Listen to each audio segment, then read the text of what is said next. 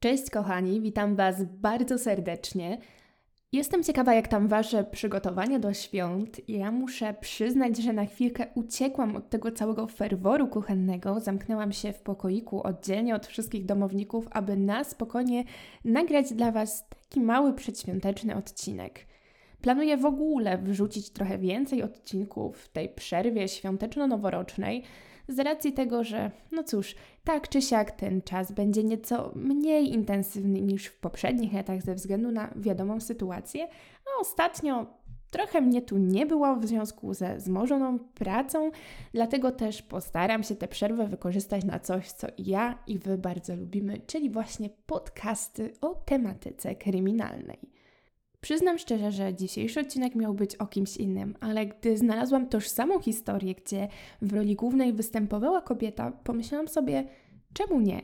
Właściwie historia opowiedziana z tej perspektywy jest równie pasjonująca, jeśli w ogóle nie bardziej ciekawsza, ze względu na to, że czasy były niezbyt sprzyjające takim machlojkom ze strony kobiety.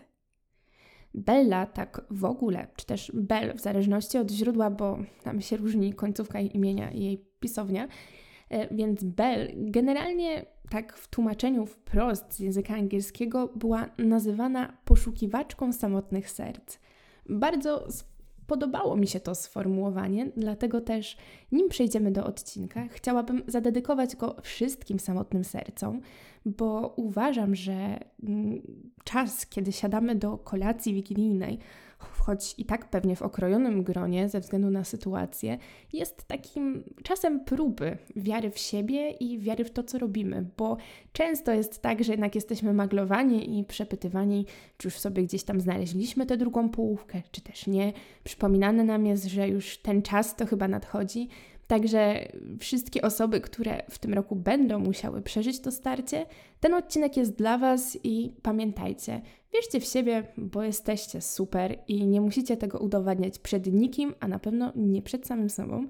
I pamiętajcie, że lepiej być przekonanym co do siebie i swojego planu na życie, niż skończyć jak wszyscy absztyfikanci Belly Guinness. Dziękuję wszystkim moim patronom, w szczególności tym, którzy dołączyli. No i cóż, jedziemy z tym odcinkiem. Wesołych świąt.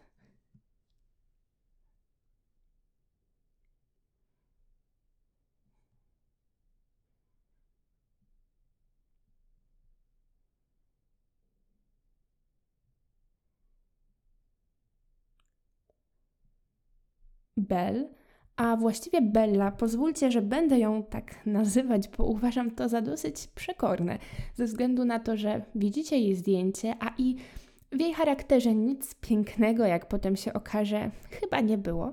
Nazywała się z domu Pulse Dater i zasługuje ona na uwagę jako jeden z takich dosyć rzadkich odpowiedników mężczyzn, którzy też objęli podobny sposób na życie jak ona. Ale o co chodzi? Już tłumaczę. Bella urodziła się w 1859 roku w miejscowości Trondheim. Przepraszam, nie za bardzo znam norweski, także jeśli ktoś zna i bardzo go to zakuje w uszy, to proszę o wybaczenie. Więc urodziła się w tej miejscowości w Norwegii. W 1876 roku postanowiła wyemigrować do Ameryki, gdzie, jak sądziła, będzie czekało na nią o wiele lepsze życie – i w tej Ameryce wyszła za mąż, ale za swojego rodaka, Maxa Sorensona. Zamieszkali razem w Chicago. Wkrótce później przenieśli się do, przenieśli się do miasteczka Austin w stanie Illinois. I tam zależy to oczywiście od źródeł, ponieważ te wersje dosyć się rozbiegają. Jednak najbezpieczniej jest powiedzieć, że Bella urodziła co najmniej trójkę dzieci – i podobno je bardzo kochała. Według innej wersji urodziła czwórkę dzieci, a dwoje wkrótce zmarło czy też odeszło mm, w wyniku jakichś tam powikłań chorób dziecięcych. Natomiast rzeczywiście później wiadomo, że Bella miała trójkę dzieci, stąd też różne są wersje pochodzenia tego trzeciego, jeśli przyjąć by, że ta wcześniejsza wersja była prawdziwa. Najbezpieczniej jest więc stwierdzić, że skądś państwo Sorenson dorobili się trójki dzieci.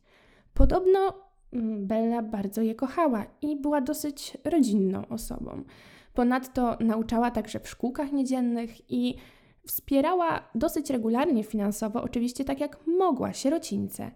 A w jej domu zawsze słychać było roześmiane dziecięce głosy. No tak podają źródła. Nie wiem, czy ktoś tutaj popłynął z interpretacją tego, co się tam działo i lekko ubarwił, czy rzeczywiście tak było. Często też w ogóle Bella miała w zwyczaju zapraszać swoich podobiecznych z sierocińca do siebie do domu, czy też na krótsze czy dłuższe wakacje albo wyjazdy. Mimo to pani Sorenson bardzo szybko, niektórzy uważają nawet, że za szybko, została młodą wdową. Państwo Sorenson w ogóle prowadzili sklepik ze słodyczami, czyli właściwie wszystko wygląda troszeczkę jak z bajki. Małżeństwo na emigracji spełnia swój amerykański sen. Młoda żona, matka trójki dzieci, wspomaga sierocińce, a pani dobrodziejka, która ich wspomaga, ma jeszcze sklep ze słodyczami. Wszystko wydawało się aż za piękne. No i rzeczywiście. Wkrótce, e, tutaj też wersje się różnią, czy było to przed odejściem pana Sorensona, czy po odejściu pana Sorensona z tego świata, ale załóżmy, że przed. E, państwu Sorenson spalił się sklepik, który oczywiście był ubezpieczony. Po tym pożarze sklepiku, wkrótce, niedługo potem, spalił się ich dom, który również był ubezpieczony. Po tych dwóch nieszczęściach na rodzinę czyhało kolejne i chyba najgorsze zdarzenie z tego wszystkiego. Pan Sorenson w jednym, jedynym dniu w roku był ubezpieczony na życie w dwóch różnych towarzystwach ubezpieczeniowych, bowiem jego wcześniejsza polisa wygasała w dniu, w którym zaczynała się następna. I to właśnie w tym dniu, 30 lipca 1890 roku, pan Sorenson pożegnał się z doczesnym światem. Podobno tego dnia bardzo, ale to bardzo bolała go głowa, więc gdy wrócił do domu, zaniepokojona żona dała mu trochę chininy. Po, tej, po zażyciu tego leku, chininy, pan Sorenson stracił przytomność i niestety już się nie obudził. Podobno przyczyną jego nagłego odejścia był krwotok y, wewnątrzczaszkowy. Natomiast Istniało podejrzenie, że zmarł on jednak w wyniku zażycia pewnej trucizny, strychniny. Jednak były to różnego typu spekulacje w różnych źródłach, nie do końca potwierdzone. Fakt był jeden. O nagłe, gwałtowne odejście pana Sorensona nie była podejrzewana Bella. Wręcz przeciwnie. Choć nieco rozjuszone już towarzystwa ubezpieczeniowe, bo w końcu Bella nieźle ich kosiła na kasę, nieco rozjuszone towarzystwa, mimo pewnych podejrzeń, wypłaciły ubezpieczenie pana Sorensona. I wtedy to Bella podjęła pewną decyzję. Uznała, że do trzech razy sztukę i nie może już bardziej drażnić towarzystw, ponieważ naprawdę zaczną oni coś podejrzewać. Jeśli już czegoś nie podejrzewali, jednak brak im było dowodów. W związku z tym postanowiła ona nieco zmienić sposób na życie. Kobieta wraz z trójką dzieci przeprowadziła się do wioski Laporte w stanie Indiana. Za pieniądze z ubezpieczeń kupiła maleńkie gospodarstwo rolne i tam poznała zamożnego gospodarza ziemskiego o nazwisku Guinness i wkrótce została jego żoną, a potem również w tempie ultraekspresowym wdową po nim.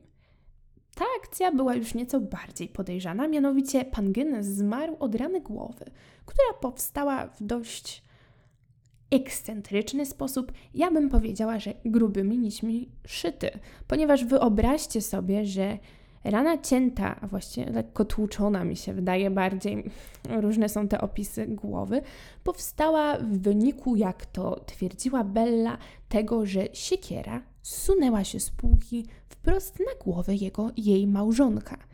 I wyobraźcie sobie, że ta idiotyczna wręcz wersja wydarzeń, która mogłaby być wzięta za jakieś niezbyt e, kreatywne tłumaczenie w komedii albo w filmie, no nie wiem, groteskowym, e, zostało zaakceptowane przez lokalne władze i nikt nie podejrzewał Belli o to, że przyłożyła rękę do odejścia swojego drugiego małżonka który notabene również był ubezpieczony i odszkodowanie zostało wypłacone. A jak? Mimo, że ten bardzo dziwny plan się udał, Bella postanowiła już nigdy więcej nie naciągać towarzystw ubezpieczeniowych, mimo że była w nowym miejscu i teoretycznie mogli nie kojarzyć jej poprzedniej owocnej działalności.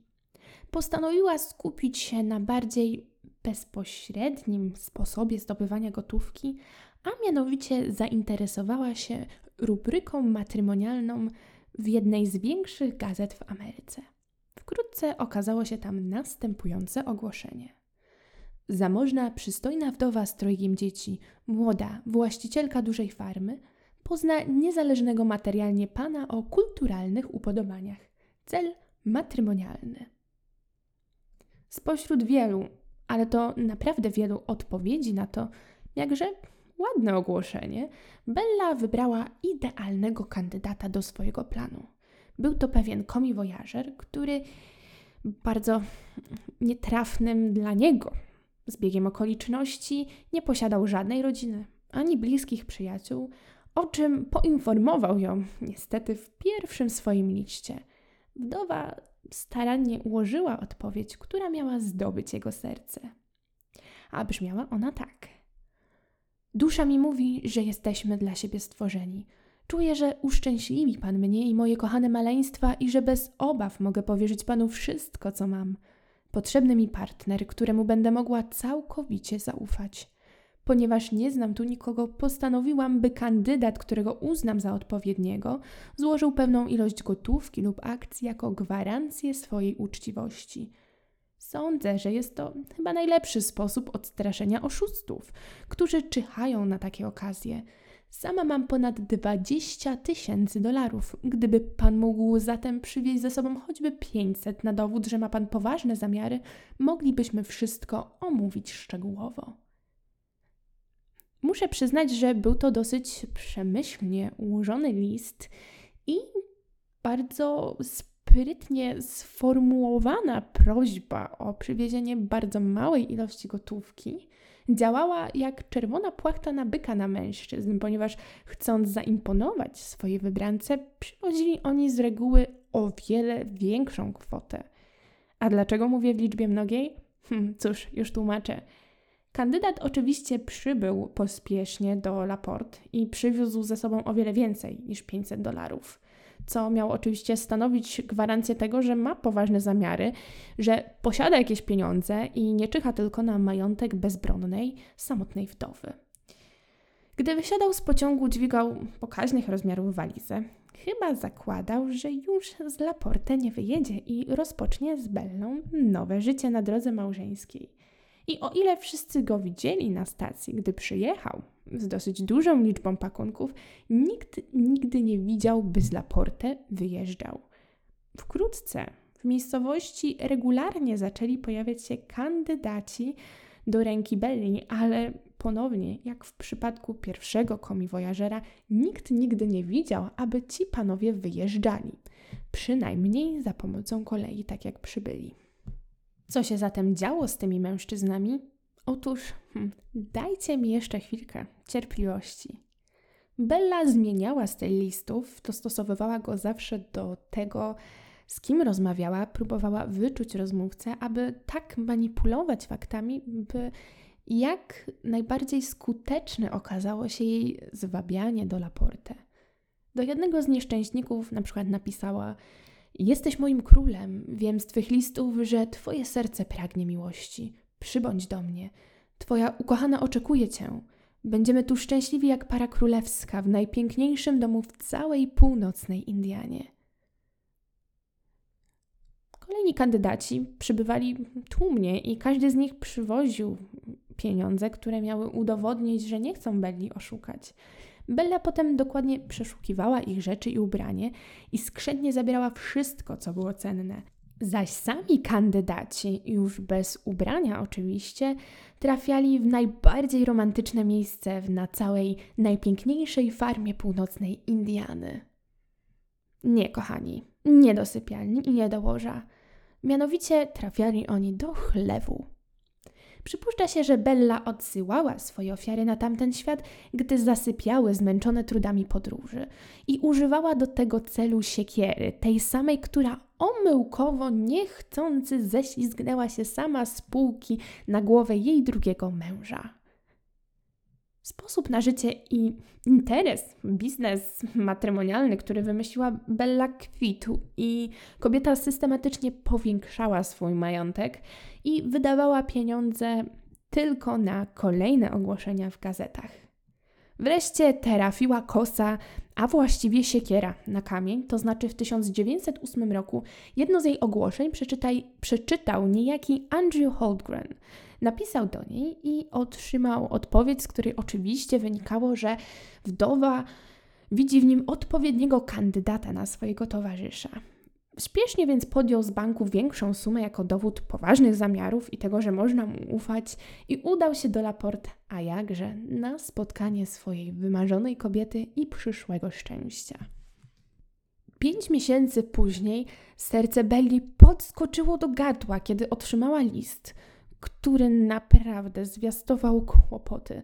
Pisał brat Andrew Holdgrena, którego, o którego istnieniu Bella w ogóle nie miała pojęcia, bo cóż, uznała, że skoro jej wybranek pisze w liście, żyje sam jak palec na tym Bożym świecie, nie mam nikogo, komu mógłbym powierzyć swe troski, to pisze tak dosłownie, a jednak nie. Okazało się, że miał brata. I ten brat, choć nie był z nim może w najlepszych stosunkach, zauważył jednak jego pięciomiesięczne milczenie i zaczął się trochę niepokoić. Ponadto brat ten znał nazwisko i adres kobiety, którą Andrew zamierzał poślubić i zdecydował się napisać do niej, no bo romanse romansami, ale żeby brat jak kamień w wodę przepadł przez to, że poznał jakąś kobietę na pięć miesięcy, no podejrzane. W odpowiedzi otrzymało list, na którym widać było ślady łez. Oddałabym wszystko, co mam, by odnaleźć twego brata. Wyjechał stąd już dawno temu. Wydawał się zadowolony, miał wkrótce wrócić i zostać już ze mną na zawsze. Od tamtego styczniowego dnia więcej go nie widziałam. Pójdę na koniec świata, by go odnaleźć. Oczywiście w rzeczywistości Bella, skrobiąc ten list, wiedziała doskonale, że podróż na koniec świata to jest trochę burżujstwo i rozrzutność, a właściwie szaleństwo, bo przecież Andrew spoczywa bardzo blisko miejsca, w którym list pisała, mianowicie kilka yardów czy też metrów dalej w ogródku w chlebiku. Oczywiście nie napisała tego w liście, bo nie chciała się zdemaskować. I wymiana korespondencji, jakże fałszywej, ale korespondencji trwała dalej. W kolejnym liście do brata swojego wybranka kobieta zaproponowała, by wspólnie zorganizowali poszukiwania, bardzo intensywne poszukiwania, zakrojone na szeroką skalę, ponieważ człowiek, który zaginął, jest przecież tak bliski sercu zarówno jej, jak i jej rozmówcy, dlatego też, skoro mają wspólny cel, nie powinni się hamować w dołożeniu wszelkich starań, aby przecież Andrew odnaleźć. Pisząc to, oczywiście, Bella ułożyła już w głowie pewien plan. Chciała, aby brat Andrew przejechał do Laporte, a następnie, ups, niechcący, podzielił los swego brata. Przypadek sprawił jednak, że brat Holdgrena przybył do Laporte w dniu, w którym w Laporte wydarzyła się niezwykła tragedia. Mianowicie 29 kwietnia 1908 roku wczesnym rankiem najpiękniejszy dom w północnej Indianie, jak określała go Bella, spalił się doszczętnie. Spalił się tak doszczętnie, że Bella i trójka dzieci, które znajdowały się w środku, również padły ofiarą tego pożaru. Ich zwęglone ciała znaleziono wśród zgliszczy. Przynajmniej tak się wydawało. Do tej kwestii jeszcze zaraz powrócę. Policja oczywiście od razu przeprowadziła dochodzenie, w wyniku którego znaleziono potencjalnego winnego. Okazał się nim niejaki Roy Lamper, robotnik, który od czasu do czasu był taką złotą rączką i wykonywał trudniejsze prace, których nie mogła lub nie chciała wykonać Bella na farmie. Wiecie, takie majsterkowanie, o którym nie miała pojęcia, musiał to zrobić ktoś z krzepą w ręku. Musieli mieć oni na pięku, ponieważ mężczyzna postanowił się zemścić na swojej pracodawczyni i cały ten przybytek puścił z dymem. To jest jedna z wersji. Druga z wersji mówi o tym, że Roy najprawdopodobniej zdawał sobie sprawę z dosyć niechlubnej działalności swojej pracodawczyni i tego, że bardzo dużo mężczyzn pada ofiarą kobiety i chciał położyć kres temu wszystkiemu oraz zemścić się w imieniu tych wszystkich mężczyzn, którzy stracili życie. Dlaczego po prostu nie poszedł i nie zgłosił się na jakimś posterunku, mówiąc o tym, co wie? Dlaczego sam postanowił popełnić czyn prawnie zabroniony i pozbawić życia swoją pracodawczynię, już pomijając to, co zrobił z Bellą, przecież ofiarami padła trójka niewinnych dzieci. No i właśnie w tej wersji coś jest tak niespójnego, że przechodzimy do opcji trzeciej i moim zdaniem opcji najbardziej prawdopodobnej.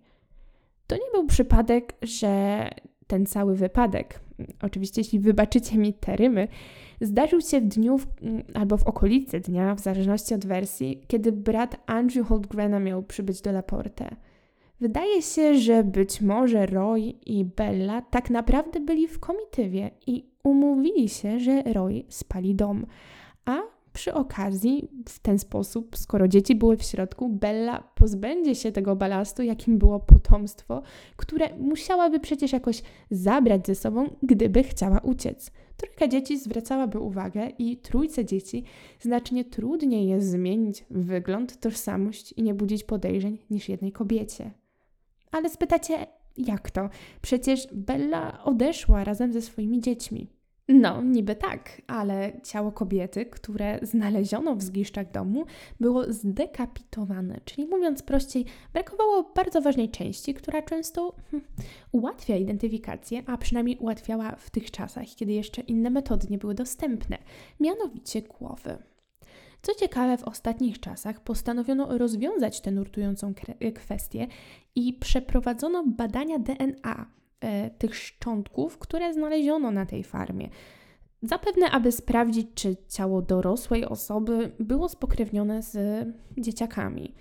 I tutaj niestety wynik tego badania był niejednoznaczny, czyli niestety tajemnica pozostaje tajemnicą nadal, ponieważ utrzymuje się, że być może Roy działał z Bellą, umówili się w jakiś sposób i Bella po prostu tego dnia albo dzień wcześniej, w sumie zależy od tego, jak się umówili, ulotniła się, by rozpocząć nowe życie i odsunąć od siebie podejrzenia albo w ogóle zmienić tożsamość i nie musieć, i nie musieć stawiać czoła konsekwencjom swoich czynów.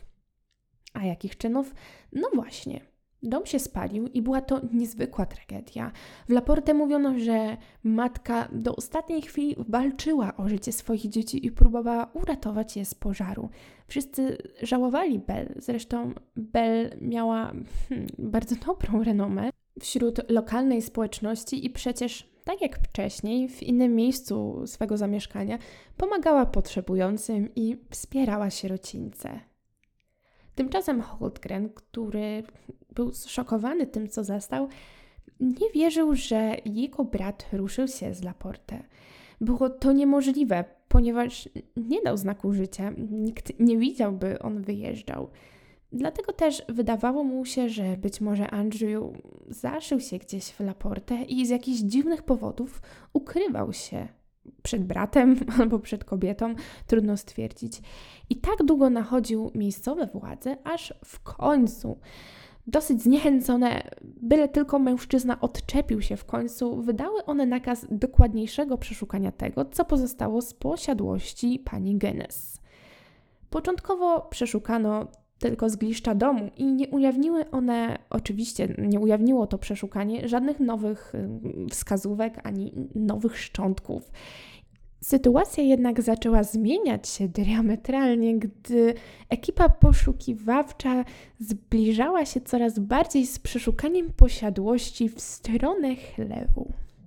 Odkryto podejrzane zagłębienia w ziemi, a w tych zagłębieniach były worki, a w tych workach były rozczłonkowane ciała ofiar Belli. Torsy bez rąk, e, z nogami uciętymi gdzieś w połowie i oczywiście bez głów. Pierwszego dnia znaleziono szczątki, jakby się wydawać mogło, należące do pięciu osób. Następnego dnia, gdy kontynuowano pracę, znaleziono szczątki należące do kolejnych sześciu.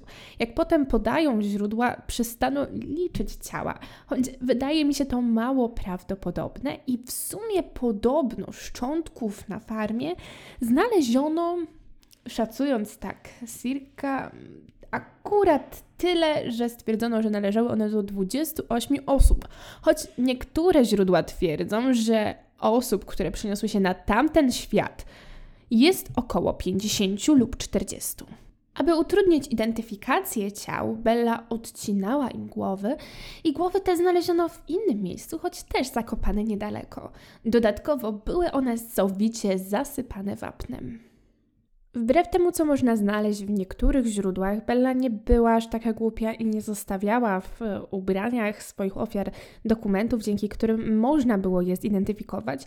Także wiele osób po dziś dzień z jej farmy nie zostało niestety zidentyfikowanych. Natomiast e, brat, e, w którego poszukiwaniu wybrał się drugi brat, został zidentyfikowany, dlatego że mężczyzna poznał ubranie i właśnie dzięki temu ubraniu i różnym cechom charakterystycznym ciała udało się ustalić, że był to właśnie Andrew.